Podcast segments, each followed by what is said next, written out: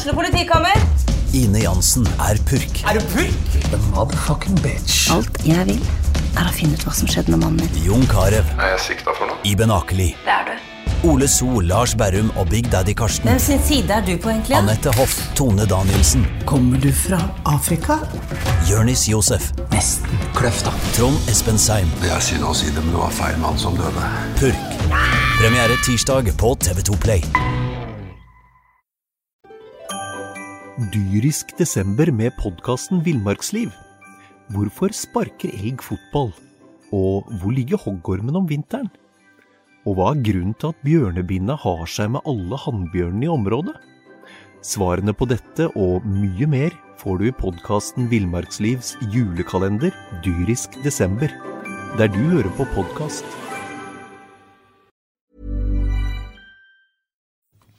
SA-podden blir gitt til deg i samarbeid med Fleksi regnskap med et smil.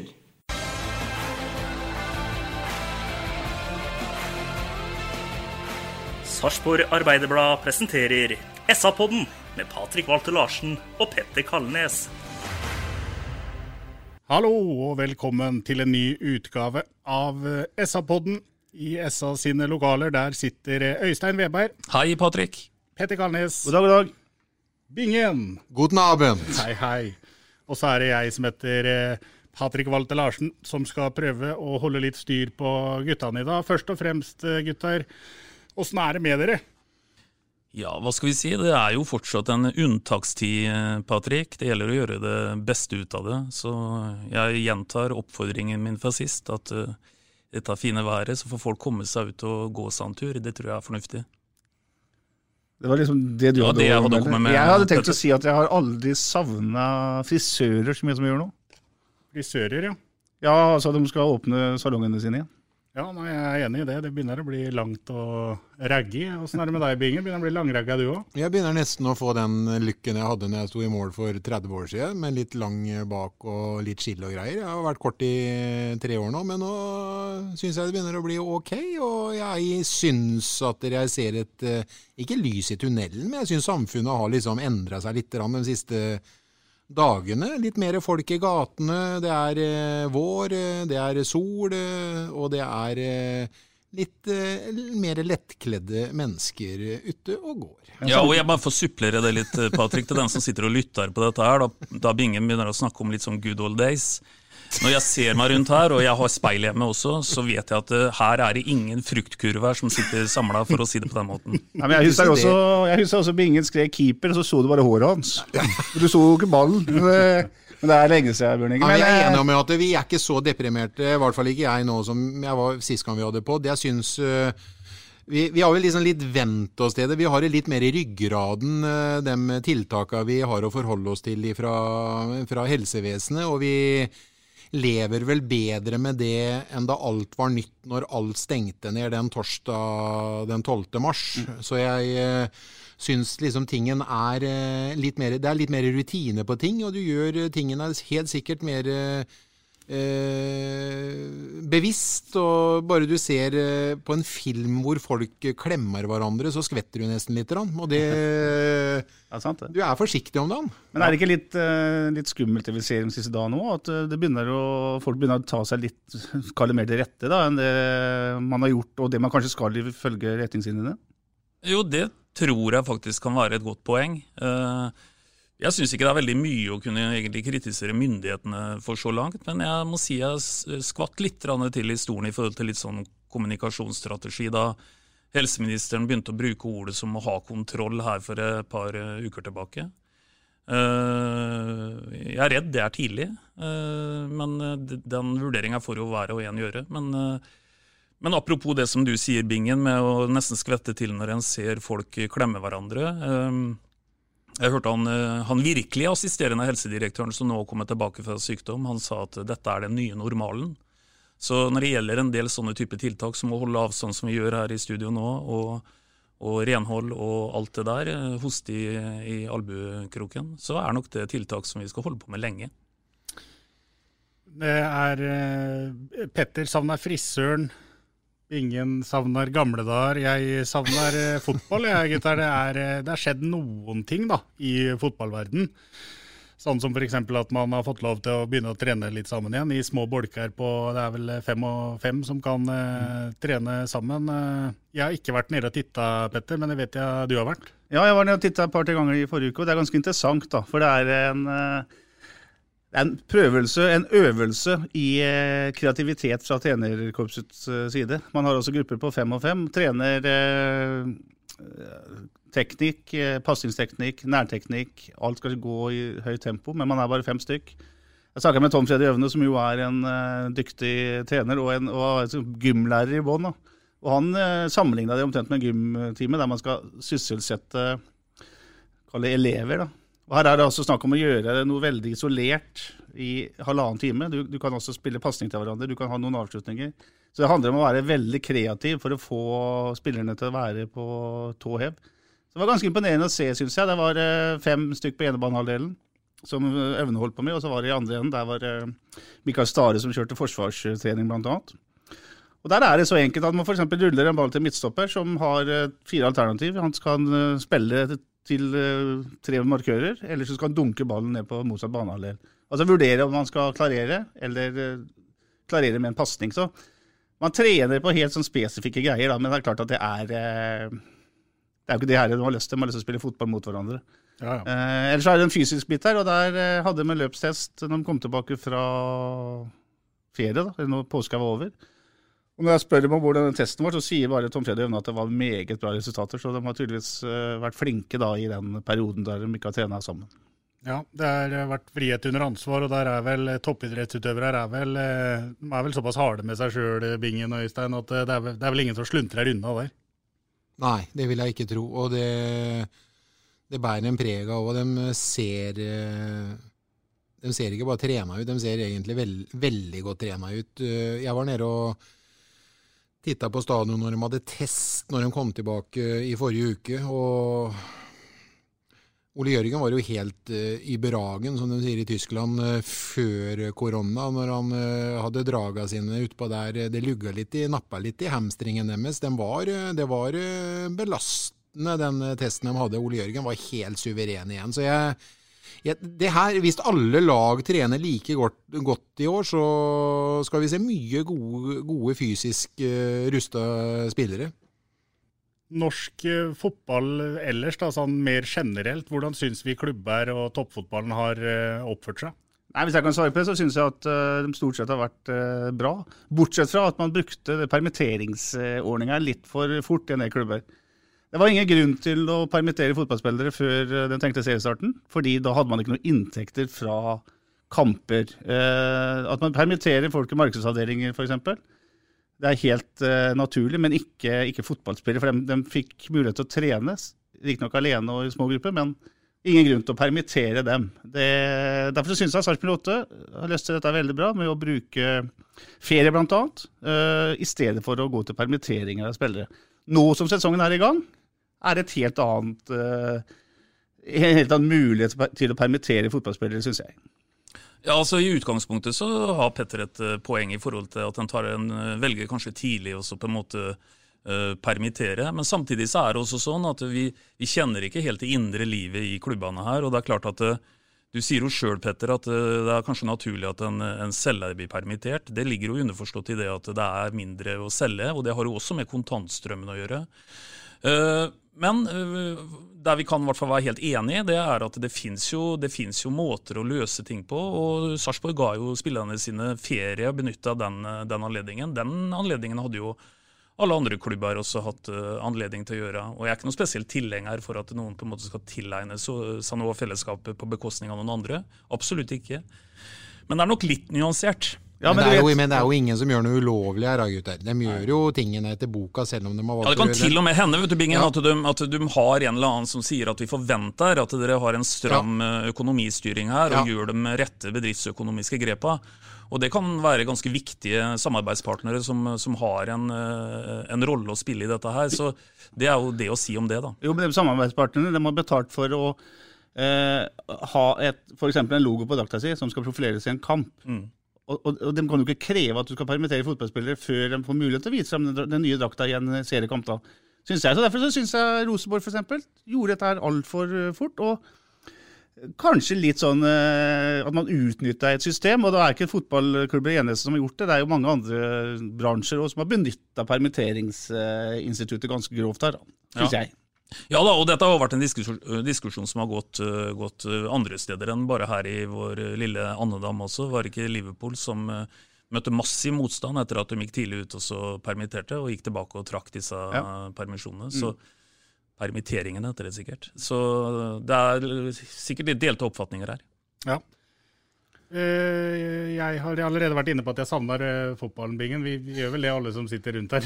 Hvis du tror jeg savner frisører mer, så tar du feil, Patrick. Ja, det var, det var Nei, jeg, jeg er helt enig i det, Patrick. Vet du hva? Jeg hadde vært uh, hyggelig å kunne prate om uh, noe som engasjerer. Jeg kan ikke si at ja, korona engasjerer det, men det er ikke akkurat det vi har gått opp løypa på da, og har alle svara på. Eh, Tegnell i Sverige har det. Ja, det var fint du eh, sa det, Bingen, for nå tenkte jeg å spørre deg nemlig om eh, statsepidemiolog ja. Anders Tegnell. Jeg, eh, Og har du, har du noe Ja. nytt derfra? Ja, jeg følger fortsatt med på Tegnell, og han er jo like stødig i hver sending, han. Og nå har han jo til og med fått oppmerksomheten siste uka fra Donald Trump òg, så det er eh, Han er en eh, I mine øyne han vokser, og så er han like rolig. Men jeg savner å prate fotball, Patrick, og jeg eh, jeg, jeg føler meg ikke komfortabel Jeg føler meg mer komfortabel etter en seier, etter et tap eller etter en kamp generelt når vi skal prate om eh, 08. Ja, Han Tegnell, vet du nok, slo meg, vet du hva han ligner på? Du skal gå over til tennisens verden. da. Mats Wilander. Han sto bare på baselinja. Og slo og slo og slo. Skifta ikke taktikk i det hele tatt. Sto ved taktikken sin. Bjørn Borg var framme på nettet og greier, men han, eh, sto helt rolig helt til andre ikke gått og slo ball over Tegnell nettet. om, eh, Tegnell er en eh, skal vi si En helsevesenets Mats stødig- eh, Wilander. Ja, Ja, og Bjørn Borg var vel ikke framme på nettet, men én gang i året. Så veldig mye var ikke Ja, der. han var mer framme på nettet enn Ja. Mats Wilander. i hvert Ja, fall. ok. Ja. Deilig. En gang i året. Det er deilig å høre referanser som er fra før jeg var født. Men ja, apropos tennis, da. fordi vi må jo prøve å ta med oss noe positivt i disse, tider, positivt i disse tider også. Og der er jo f.eks. tennisklubben en eh, fin variant, hvor medlemmene av tennisklubben kan eh, komme seg på, på banen og eh, spille med hverandre. En annen som vi også prata om sist, det er jo golfbaner rundt omkring som er eh, åpna. Bingen har funnet fram eh, bagen, og jeg har møtt han både én og to ganger ute på, på golfbanen. Eh, Øystein Veberg har kjøpt seg nye sånne Hva heter de skoa, Øystein? Hoka. Hoka, ja. Da jeg var guttunge, så hette det Buffalo-sko med sånne såler som er 10 cm tjukk. Så Øystein Veberg han er nå blitt eh, høy og mørk. Er det, er det sånn at vi ja, hva skal vi si, klarer oss bedre når ting normaliserer seg litt og litt? da. Sånn, det, vi har jo ikke sett noen store forskjeller, men, eh, men det er små ting som går, eh, går framover. Føler vi det? Jeg syns det er synes ingen sa noe lurt i stad. Han sa liksom at dette begynner å bli en eh, normal situasjon, faktisk. Det er det det er.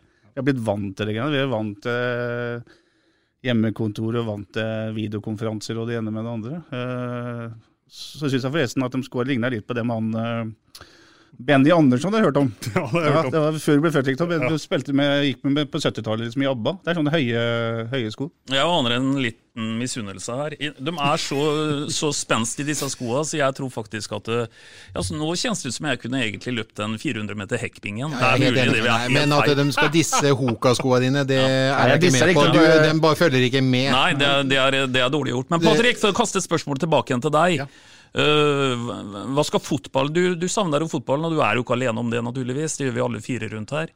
Uh, går an å trykke på noen knapper? Går an å Jeg vet at det er fotballedere som snakker om å være proaktive. Uh, hva tenker du rundt det? Jeg tenker at uh, noe Jeg tror det er flere som tenker. Jeg tror det at fotballen ikke kommer til å få bli behandla, få noe særbehandling på noen som helst slags måte. Nå er det én ting som gjelder, og det er å stå imot dette viruset, sånn som det har gjort nå i lang, lang tid egentlig allerede. I over en måned er det vel blitt nå. Så jeg tror eh, det, det, Jeg kjenner at det gjør veldig vondt å si det, men jeg tror det er lenge til vi kommer til å se noe fotball. Så håper jeg at det ikke er lenge til. Men jeg kan ikke per i dag, så er det jo selvfølgelig sånn at vi er hele tida i endring, men per i dag så kan ikke jeg se hvorfor det snart skal åpnes opp for å samles såpass mange mennesker at man kan gjennomføre fotballkamper for eventuelle tomme tribuner. Da.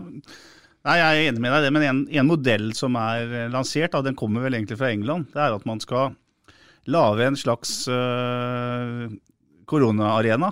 En, et stadion der man skal spille da en rekke kamper, kanskje to og tre kamper om dagen.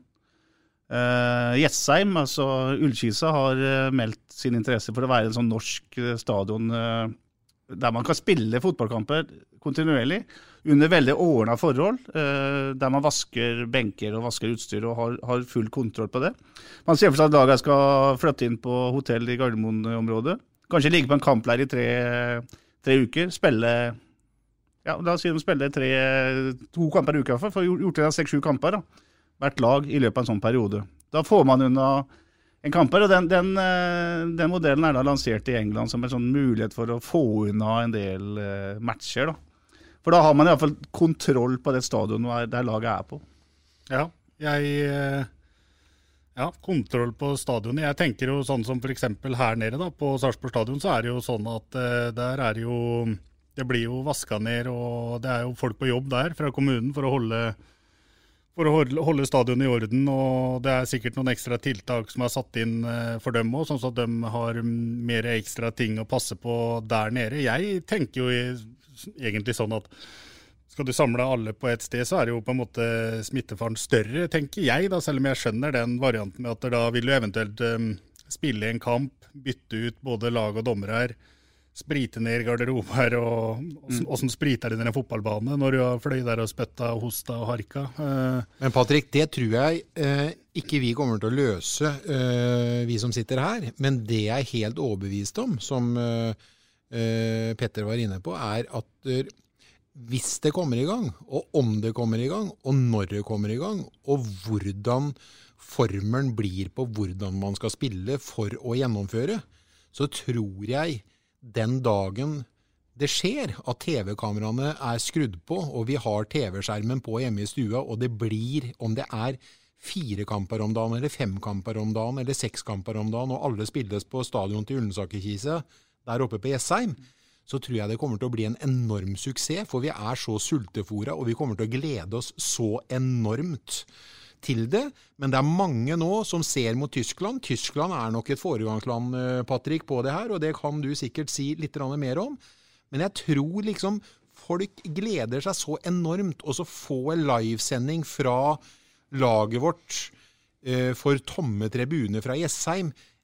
Jo, det selvfølgelig, det blir ikke sånn vante omgivelser, men vi er nå så sultefòra. Vi, vi gleder oss over å komme tilbake mot normalen, at det kommer til å bli veldig etterlengta og veldig gøy. Det er i hvert fall ikke noe tvil om. Det som er, når du nevner Tyskland-bingen, er at der tenker man jo at man skal starte opp igjen allerede Det er vel den eh, ja, det blir det andre kanskje, da, helga i mai, 9. mai, med å spille både første og andre Bundesliga-matcher. Da er det jo snakk om å, å åpne på en måte alle stadionene i, på første og andre nivå da, i Tyskland, og at uh, lagene skal spille sine kamper da for uh, tomme tribuner. Ja, og så tror jeg det er viktig, altså det er i hvert fall sånn jeg ser på det, at uh, vi må ikke ha noe illusjon om at, at, vi snakker om noe som i noen som helst grad kommer til å bli kalt særbehandla her. Dette her har ett fokus, 24-7, og det er, det er smittevern. Eh, jeg tror at eh, det som kan ligge i begrepet å være proaktiv, det er å gjøre ting som må på plass mm. for oss å kunne altså Noe så enkelt som på en måte type uh, tilrettelegging for hygiene og, og, og, de tinga der. Det er nøkkelord, det, vet du. Det er nøkkelord. Og jeg mm. tenker sånn, Bingen, at hvis, hvis, hvis det hadde vært sånn at at det var en eller annen mektig tysk fotballeder da, som, eh, som hadde, hadde, ringt ho, Angela, vet du. Ja. Og, så, og, så, liksom på en måte bedt pent for eh, idretten sin, så tror jeg hun hadde Jeg tror at hun hadde sagt 'jeg ler meg i hjel'. Eh, men, men, du har jo vært profesjonell i Tyskland tidlig på 90-tallet, så kan ikke du si hvor, hva er det på tysk 'jeg ler meg i hjel'? Ich lache mich kaputt. Ja, Det tror jeg er svaret hun gir, hvis noen på en måte tenker at, uh, at en har noe veldig pressmiddel sånn fra, fra fotballens side. og det er klart Fotballen er storindustri, i, i, mye større industri naturligvis i, i, i sånne land. Men tenk hvilket press eh, andre har lagt på, på regjeringen rundt forbi når det gjelder nedstenging, lockdown og tapte arbeidsplasser og, og, og, bedrifter som går allerede konkurs. Så, så her må det tilrettelegges for at uh, det kan starte når det passer inn i det som har med smittevern å gjøre. Mm. Og de 400 millioner kroner som norsk fotball eller norsk toppfotball taper her, er jo, det er jo ikke rare pengene i den store sammenhengen her nå, faktisk. Nå peka du på meg, Bingen. Da, ja. da mente du at jeg skulle ha en replikk. Du sa noe om vindstyrken på den fire millioner kroner. ja, nei, altså, ja, det kan jeg gjenta. Altså, jeg tipper jo Erna opplever det eventuelle presset som kaller det idretten setter på, på myndighetene, som en, som en eh, flau bris, tenker jeg er vindstyrken. Det er jo faktisk en meteorologisk term. Eh, det er fra helt andre kanter eh, det, det kommer mye, mye større trøkk enn det. Da, men argumentet da, Øystein, om at det psykososiale for, for, folk flest, folk som er opptatt av idrett, fotball, kultur, eh, sang og musikk Det aspektet der er jo heller ikke interessant i den sammenhengen. her. Det at det er godt for oss å kunne se på fotball igjen, det, for å si det litt stygt Interessant er det jo. Ja, Det er interessant, men det blåser også Erna Solberg eh, langt i hvis det ja, går utover smitta. Ja, ja, hvis, det, hvis uh, blåser i om folk blir ekstra godt humør av å sitte inntil hverandre. Ja. Det, det, det, er underordna, faktisk, sånn som uh, situasjonen er nå. Men når det er sagt, så er jo selvsagt det du bringer på banen, det er sånne tilleggsdimensjoner som også skal hensyntas som en sånn en total uh, greie. Men det, det, vil liksom ikke være det som er førende for de beslutningene som tas. At du på en måte sitter hjemme og lei deg, Petter, det er trist. Men du må nok finne deg i det en stund til. Du vet, Sandefjord og Anheim nå hadde jo vært eh, lørdagskveld eh, og 17. mai og julaften samtidig. ikke sant? Ja, Det har vært helt ellevilt. Det som jeg syns er vanskelig da, når vi snakker litt om det her med hva For det, det blir mye synsing, det blir mange meninger. Det blir hva, hva vi tror, og hva vi ikke tror. Det jeg syns er ekstra vanskelig i den tida her, er liksom at alt er så forbanna vagt.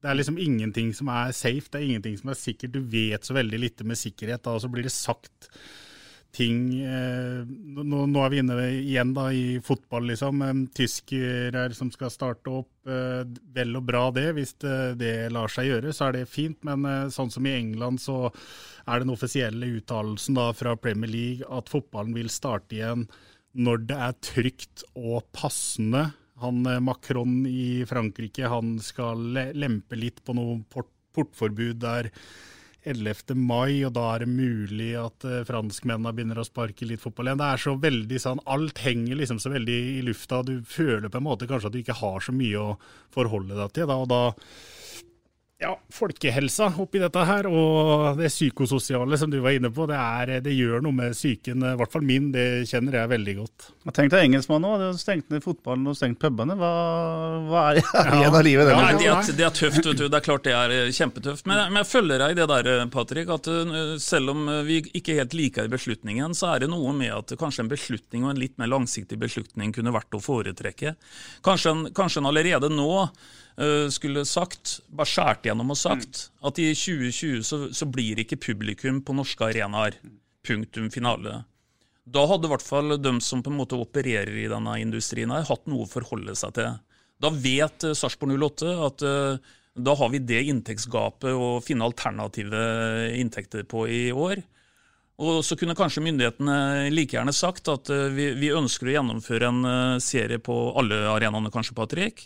Og da kunne en jo like gjerne starta med eh, de eventuelle smittevernkravene som ligger i bånn allerede nå, da, og gjort dette her for å på en måte greit å lage, lage dette her sånn som en eh, ønsker. For det er noe med den uvisse. Og det er, jo, det er, jo, andre som har det mye verre enn dette. Nå har jo Norge offisielt stengt Norge til 15.6. Eh, hvis du hører på lederen av Palmesusfestivalen i Kristiansand, som skal samle 60 000 mennesker på Sandstrand, så, så sier jo han ennå at han håper på dette her. Naturligvis gjør han ikke det. Det kommer aldri til å bli samla 60 000 på Sandstrand i juli nede i Kristiansand. Men her er et spill i forhold til det å på en måte ikke sitte med den store tapet sjøl i forhold til kontrakter osv. Så, videre. så de, de, venter egentlig på at det skal bli myndighetsstengt, da, for å si det sånn. For da, da har de antagelig en anledning til å bruke en sånn force majeure-paragraf sikkert i kontrakta eller noe sånt. Det kunne myndighetene ha hjulpet dem med nå. Det er ikke noen vits i å gå rundt og håpe på et utsolgt stadion her eller der i juli. Dyrisk desember med podkasten Villmarksliv. Hvorfor sparker elg fotball? Og hvor ligger hoggormen om vinteren? Og hva er grunnen til at bjørnebinna har seg med alle hannbjørnene i området? Svarene på dette og mye mer får du i podkasten Villmarkslivs julekalender dyrisk desember, der du hører på podkast. i juli måned. Det kommer ikke til å skje. Altså, og Danmark har jo sagt 1.9., vel, at det ikke blir noe publikum eller folkeansamlinger før 1.9. Da er jeg helt enig med deg. Det synes jeg var veldig godt sagt for, for øvrig. Det å være en mann fra vedtatt-toppen syns jeg var helt overlegen. Mm. For det faktum at vi ikke vet, at de ikke har noe tidsperspektiv, det er det verste av alt. Jeg er helt mm. enig med deg. Så si da at det ikke blir noe fotball med publikum ut 2020, og så har vi det å forholde oss til. Mm. Ja. Eh, nå har vi prata mye og lenge om ting vi ikke har noe greie på. Mange vil sikkert si at når vi sitter og snakker om fotball, så snakker vi om ting vi ikke har greie på da òg, men det føler vi i hvert fall sjøl at vi har eh, litt greie på da. Vi har jo et par ting som det går an å prate litt om. Det første syns jeg er en veldig god nyhet, og det er at uh, i en tid der uh, Sarpsborg 08-spillerne har gått med på et 20 eh, eh, lønnskutt, så har man klart å forhandle fram en ny avtale. Den avtalen den er med mm, en, opp, en, en, coming man. Det er Jørgen Strand Larsen, 20-åringen. Han har skrevet under på en ny treårskontrakt, og det er eh, i alle fulle fall veldig gode nyheter. Ja, det er gode nyheter i den forstand at eh, når folk er 20 år, så er det fortsatt lov å håpe på at en har ytterligere betydelig utviklingspotensial. Ikke at han uh, er på noen som helst måte en hvem som helst i dag heller. Han har meritter som, som de fleste lokale spillere her i Sarpsborg aldri har vært i nærheten av. Men det er klart at han kan, han kan på sikt bli også et veldig interessant salgsobjekt med en sånn en lengde på kontrakt. Nå har vel han skrevet under fram til gutten er over 23 år gammel. Ja. Så det er klart at det er, det er spennende, det. Moro med litt positive og gode nyheter òg, Bingen. Ja, det var veldig, veldig, hyggelig, det. Det er jo ingenting som er eh, Jeg tenker at det er veldig godt for gutten sjøl. At han eh, kan egentlig bare senke skuldrene og utvikle seg i en veldig viktig alder. Og så får tiden vise om han blir en etablert tippeligaspiller, eller om han eh, tar eh, steget videre. For eh, at han kommer til, å spille i Tippeligaen, karriere ut, at det nivået er der, det er jeg helt overbevist om. Bingen, nå sa du to ganger Tippeligaen, men kan du ikke si Eliteserien? Unnskyld. Eliteserien. Til alle lyttere så beklager jeg det. Men eh, jeg syns det er en eh, hyggelig og fin signering både for klubb og for gutt. Ja, det er vi enige om alle mann her. En annen ting som det har vært prata om litt i det siste, er eh, det er nye drakter som uh, klubben har, uh, har, gått til anskaffelse av. Det er uh, en førstedrakt, en hjemmedrakt, da, som er litt tilbake til originalen. Som er den som det både synges om, og som veldig mange er veldig glad i. Den har vel mer eller mindre fått en unison hyllest når den kom. Og så kom det en andredrakt som hadde både litt sånn burgunder og litt Eh, brunt i seg. Den var litt mer delt på midten, hva folk syns om den drakta der. Hva er dommen her i huset? Nei, Sa ikke du på, på sendinga når denne ble vist på Facebook at han minna deg litt om grønnbærsennepen? Farven er litt der. Ja, ja. Jeg synes det er, tre, altså det er jo tre, hvit eh, tredjedrakt òg. Jeg syns de tre draktene er helt fantastisk fine. Og, og si at den der bortedrakta er stygg, når du ser hvilke drakter som har spilt med de siste åra. Det er Vegvesenet-greiene. Jeg synes Det var en, og det her ser ut som en fotballdrakt, selv om det er en spesiell farge. Jeg synes det var veldig veldig fint, og den stripa i den hoveddrakta er jo bare deilig. Ja. Jeg ser jo for meg Magna Rødegård står pasning på til Martin Wiik på Fredrikstad stadion hver gang jeg ser den. Ja. Hva syns du, Bingen? Jeg er helt enig. Ja. det hadde ikke Biggen så mye å si om. Han syntes draktene var fine, og det syns uh... Han har for øvrig på seg oransje skjorte i dag. Er det, Syns du den er fin, Biggen? Apropos Vegvesenet. det er Vegvesenet. Det er jo sånn er du sponsa av Helly Hansen, så får du litt forskjellig. Og i dag valgte jeg den her. Ja, den var veldig, veldig fin. Den var ja. det. Um, oppe i en eh, situasjon som dette her, så er det sånn at uh, ledere har jo en uh, vanskelig jobb. I Sarpsborg 08 så sitter det en uh, daglig leder som i utgangspunktet er på vei ut. Espen Engebretsen han leder klubben, i hvert fall sett utenifra, med en trygg hånd i en tøff tid. Hva tenker vi om Engebretsens oppgave nå om dagen? Nei, Hvis jeg skal svare på det, så syns jeg han gjør en helt formidabel jobb. Og det syns jeg han har gjort hele tida som eh, daglig leder. Selv om han har vært en del av ja, en slags eh, maktkamp som vi jo skrev litt om i, i vinter. Det som er rart her, eller rart, det som er litt eh, pussig, er at en ansettelses, ansettelsesprosess eh, stoppes opp sånn som man har gjort nå. Der det altså ble sagt at det var et finaleheat på tre personer, som en av dem skulle da overta etter Espen Engvedtsen. Og så blir den da såkalt lagt på is eh, på ubestemt tid. Eh, jeg syns det er rart, for det er en såpass eh, krevende jobb. Og det er sånn at folk har søkt på en jobb og ikke, da plutselig ikke skal bli vurdert lenger. Da, eller et eller annet. Jeg syns det var veldig vage uttalelser. Så vet du at uh, kanskje Engebretsen har lyst til å bli sittende. Og for å gjøre en, et langt resonnement ganske kort, så tror jeg at det vi har sett de siste ukene, uh, bare understreker det faktum at jeg vil sette mye penger på at Espen Engebretsen fortsetter som daglig leder i Sarpsborg 8. Hva tenker du eh, Øystein, om det, det Petter sier der?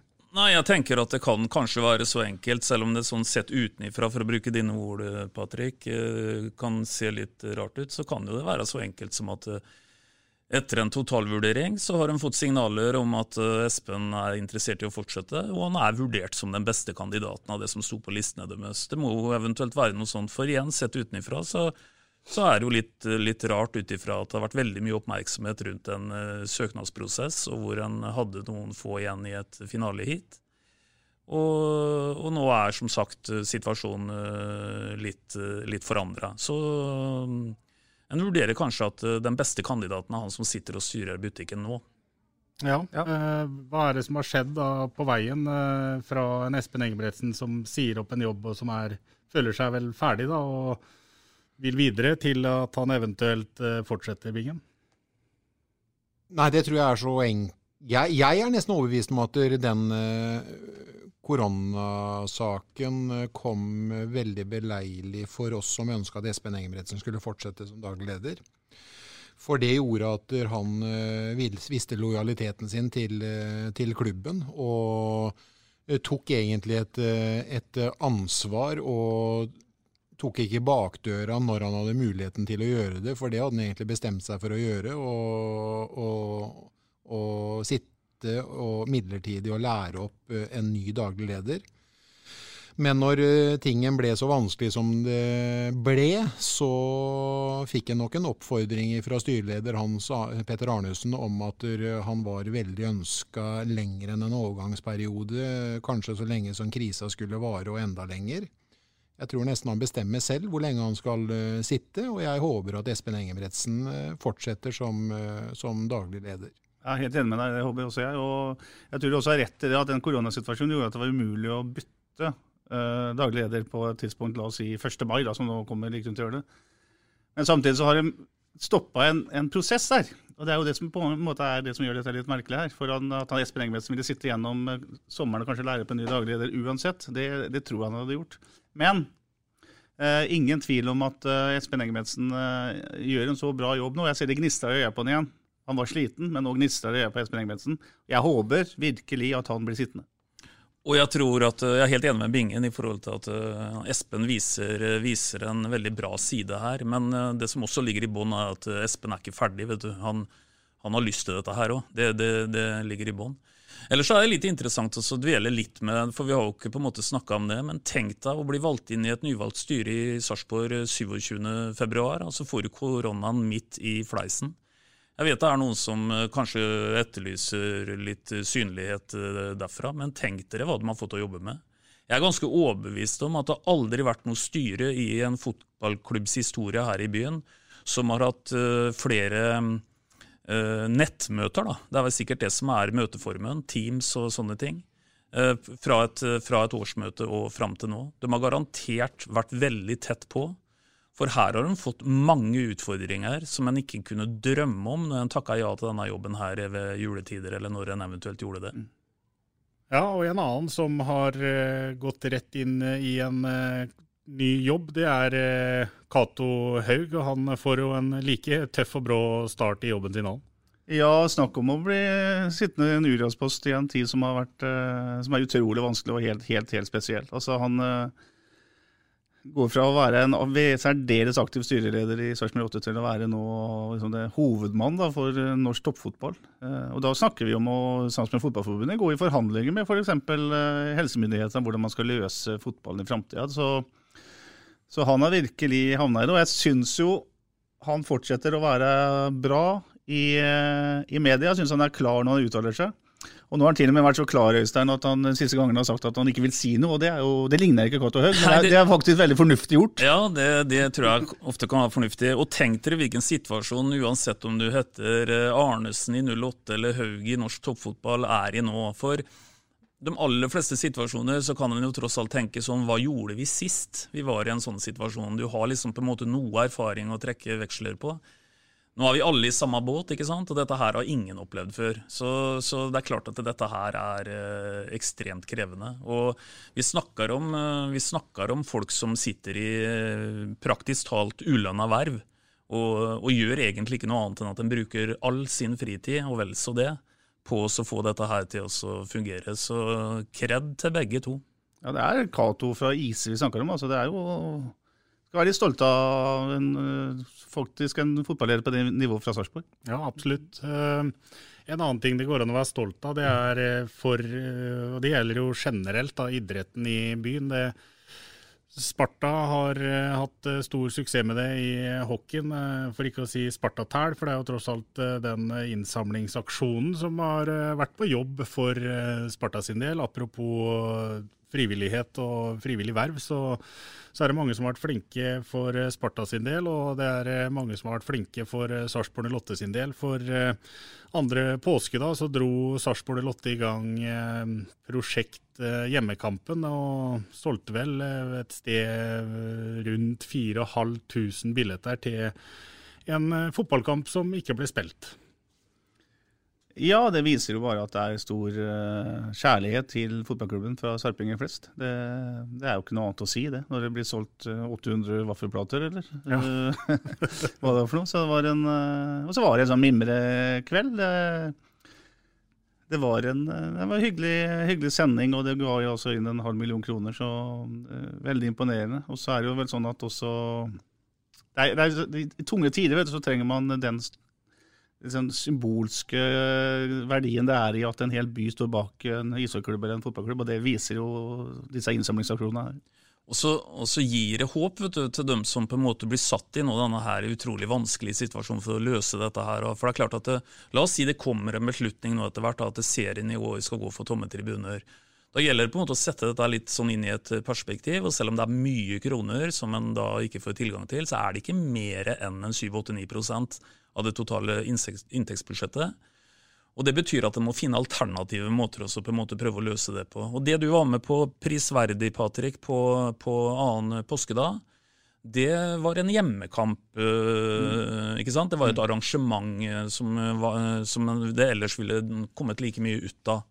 Så, så, nå må en gjøre dette her noen ganger til. Ikke nødvendigvis akkurat dette tiltaket her. Jeg tror at det er mange kreative tanker rundt forbi.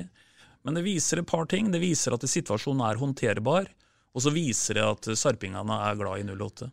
Ja. ja, og så er det vel sånn at uh, Lillestrøm, som gjorde noe av det samme, dro, dro igjen omtrent halvparten. Uh, de har vært oppe siden 77, eller hva det var for noe. Uh, nå var de nede, riktignok. Men det, det, viser jo at det er at Sarpsborg 08 står sterkt i byen. også. Og så kan vi jo tenke oss, da, når det blir forhåpentligvis fotball for tomme tribuner en eller annen gang, at dette også blir en, blir en modell. At du kan vippse 100 kroner for å sitte og se laget ditt på TV. Nå har du riktignok betalt mer enn 100 kroner i måneden for å se den, eh, den, kampen på TV, men At det kan bli en inntektsgreie. Absolutt.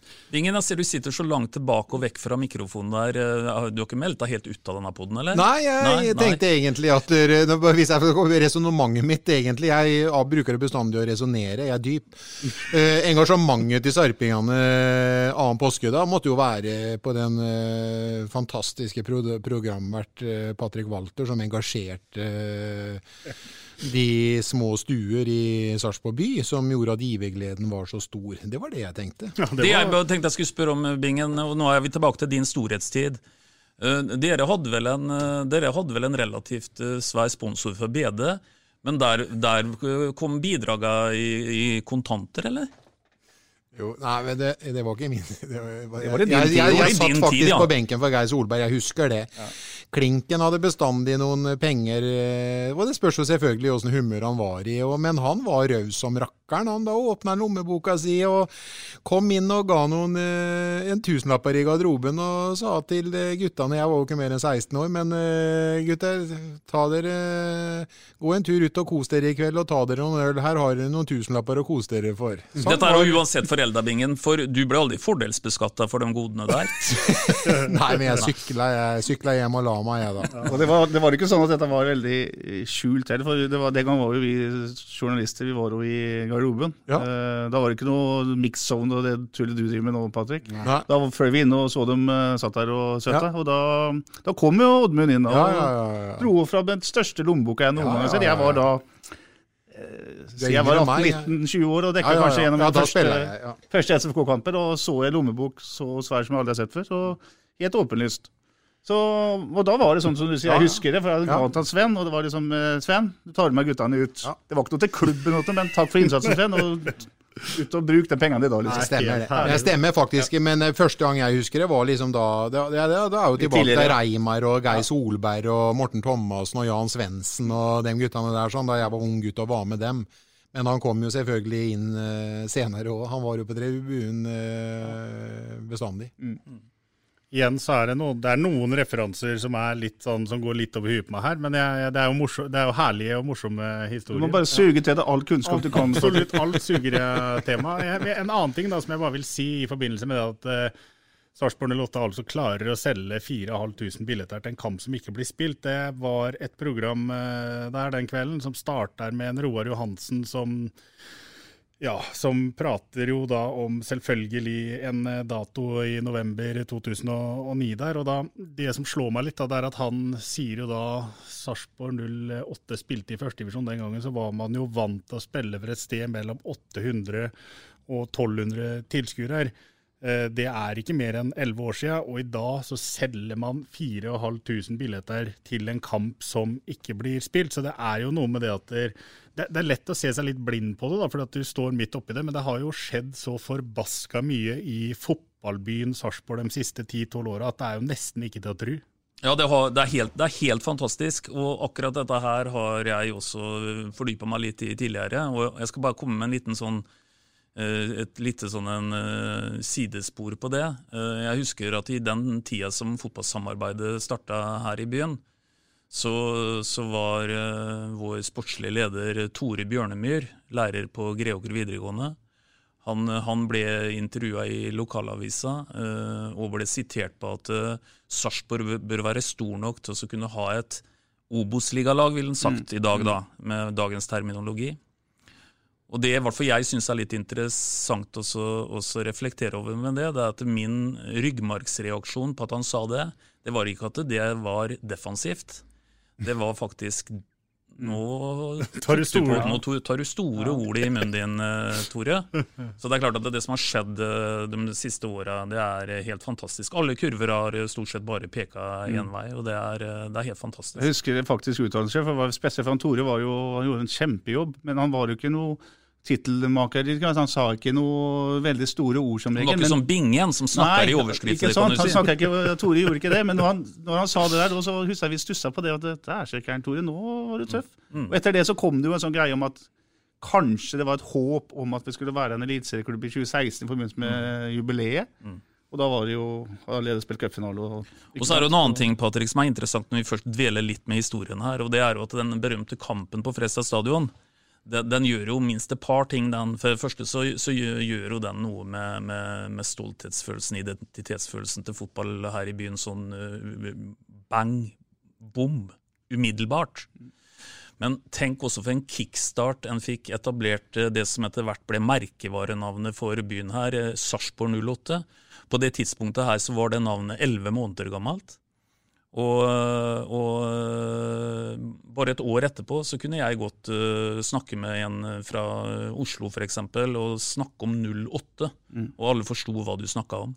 Så, så, nei, det er en helt eventyrlig historie. Ingen som skjønte hva fotball egentlig var, vet du. Eller hvilken kraft det er, før denne her eh, gjenfølelsen den, eh, den kvelden. Ja, Gjenfølelsen er godt, ja. godt uttrykk. Så har jeg, et, jeg har jo sett dette her hundre ganger, men jeg fikk en litt aha-opplevelse nå igjen når jeg så Martin Wiigs andre mål, som da er i motsatt ende av der Sarpesvingen er. Altså Der sitter det egentlig bare Fredrikstad-supportere. Så ser du bak mål, det er flere som reiser seg og jubler. Mm. Altså, Det sitter sarpinger som har billett på Fredrikstad stadion, for de har hatt det i mange år, og sitter og ser egentlig motstanderlaget, da. Fienden, skåre mål. Men det, er, det, er, det blir liksom Hjertet blir så stort at ja. uh, vi går opp og jubler. Det er umulig å holde tilbake. Det var det siste gang de satt her, sannsynligvis. Nå kjøpte de seg heller kort på ja. stadion her. Mm. Og lærte du noe? Ja, der lærte jeg noe. Det husker jeg 2009. Det husker jeg liksom. Det er, det er greit, jeg sitter. Nei, men uh, nå bare sånn bak sånn. Martin. Ja. Hedde. Nå. For, hvis noen lurer på hva som skjer her nå, så går faktisk nå bingen rundt bordet med podkastbordet her. Bare som hadde ikke engang eh, baller nok til å sparke ned Martin Wiig og ta et rødt kort der. Nei, hadde, hadde bingen holdt munn i tillegg, så hadde det vært en form for pantomime. hvor han nå viser hvordan Barsom kom litt for sent bak ryggen på Martin Wiik, og Martin Wiik eh, drepte kampen med å sette inn 2-0. Var, var, var, veldig atletisk flott. Jeg fikk assosiasjoner til Svanesjøen, du vet den balletten, uh, Bingen? Akkurat nå var det dessverre, må jeg si. Det er, det, nå var det veldig synd at ikke vi, at ikke vi har et uh, kamera her, og at det bare er lyd. For det der var, uh, var vakkert. det var elegant. Og Martin Wiik setter der så den begynner å gråte i ren glede. Bare, sånn, uh, bare, for å kjøre én variant til. Da, med, altså, det er jo en 16-åring den gangen som hadde en stor rolle i den matchen.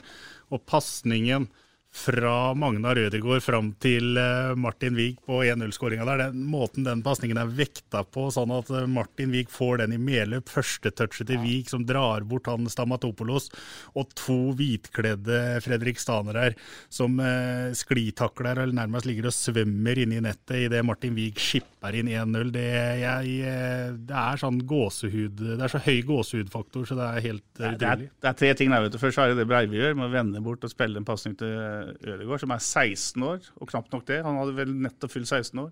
Og den pasningen er helt fantastisk. Men så er det jo den der lille, det geniale til Martin Wiig, at han løfter den ballen fra nesten død vinkel. Der ligger han oppe, og dem, han andre bistopperen ligger jo der. Fantastisk scoring. Fantastisk, det er fantastisk at han løfter den. Ernemanns skåring mot Brann var jo helt eventyrlig, men det her er jo det er målet. Mål. Ja, ja, ja, Klokskap, teknikk, balanse. Ja, det er en studie i alt. Men eh, Martin ble jo helten. Det var mange helter den kvelden der. Men helsikeren Joakim Heier sto i mål. Og vi må, vi, det, mye, vi, mye, det var mye som klaffa den kvelden Absolutt. der. Altså. Absolutt. Vi, vi, det er en egen podkast å sitte og mimre tilbake til den matchen. og Vi har sittet og prata lenge nå, såpass lenge at Bingen begynner å pantomime, som eh, Øystein sier. og Da er det vel kanskje på tide å runde av her, gutter? Ja, det er det, men han, eh, han, eh, Bingen før vi satte i gang her, han sendte en SMS hjem til Mariann, for han var usikker på om han fikk lov å være ute lenger. Men du sa, Bingen, du hadde vært og handla, eller? Så du har matvarer i bilen? Jeg sendte SMS og sa at jeg hadde vært og handla, matvarene er i bilen. men ja, er det kjølevarer? jeg har ikke handla ennå heller. Nei, det er uh... Du har ikke vært og kjøpt sånn takeaway-mat, eller? Nei, kylling Det er ordentlig ja. Vi får hilse til Mariann da, og håpe at det ikke er berderva når, når Bingen eh, kommer hjem. Vi får ta delansvar for det hvis ja, det har skjedd. Ja. Og er en tryllekunstner på kjøkkenet, så får hun nok til. Er helt herlig. Det Skulle trengs, ikke meg. trengs en uh, tryllekunstner for å passe på bingen. Det uh, har vært hyggelig å prate med dere igjen, uh, gutter. Og så håper vi at uh, ting går fort, og så håper vi at vi får se noe fotball snart, selv om vi har våre tvil. Og så sier vi til alle sammen at dere får ta vare på hverandre og passe på hverandre. Og så hører du SA-podden fortere enn du tror. Vi prekas! SA-podden blir gitt til deg i samarbeid med Fleksi regnskap med et smil. Du har hørt SA-podden med Patrik Walter Larsen og Petter Kalnes.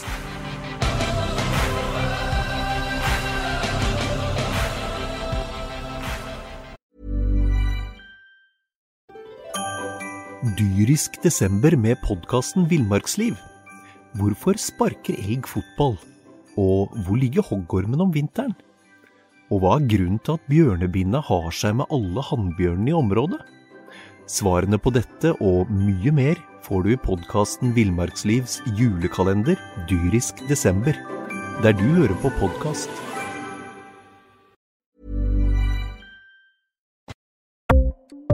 Ukens annonsør er HelloFresh. HelloFresh er verdens ledende matkasseleverandør og kan være redningen i en travel hverdag. Mange av oss har nok vandret i butikken både sultne og uten en plan for middagen, som ender med at vi går for de samme kjedelige rettene gang på gang. Middag burde være dagens høydepunkt. Som HelloFresh kan du nå velge mellom 25 ulike retter hver eneste uke, eller få HelloFresh til å sette sammen menyen for deg. Dette gir deg muligheten til å prøve nye og spennende retter alene eller sammen med familien. Du velger antall porsjoner og får alt levert på døren på et tidspunkt som passer for deg. Oppskriftene er enkle, og maten er lett å lage både for store og for små. Ved å få alt levert hjem får du også mer tid til å dele matgleden med familie og venner. Kanskje det frister med asiatiske tacos eller greskinspirert kylling? Da kan jeg anbefale deg om å gå inn på hellofresh.no. Her kan du bruke koden FOTBALL og få opptil 1779 kroner i rabatt på de første fem matkastene hvis du ikke har prøvd HelloFresh tidligere. Du kan også bruke rabatten hvis du har vært kunde og stoppet abonnementet ditt for tolv måneder siden eller lengre. Gå inn på hellofresh.no og bruk koden FOTBALL. Har du et enkeltpersonforetak eller en liten bedrift? Da er du sikkert lei av å høre meg snakke om hvor enkelt det er med kvitteringer og bilag i fiken, så vi eh, gir oss her, vi. Fordi vi liker enkelt. Fiken superenkelt regnskap.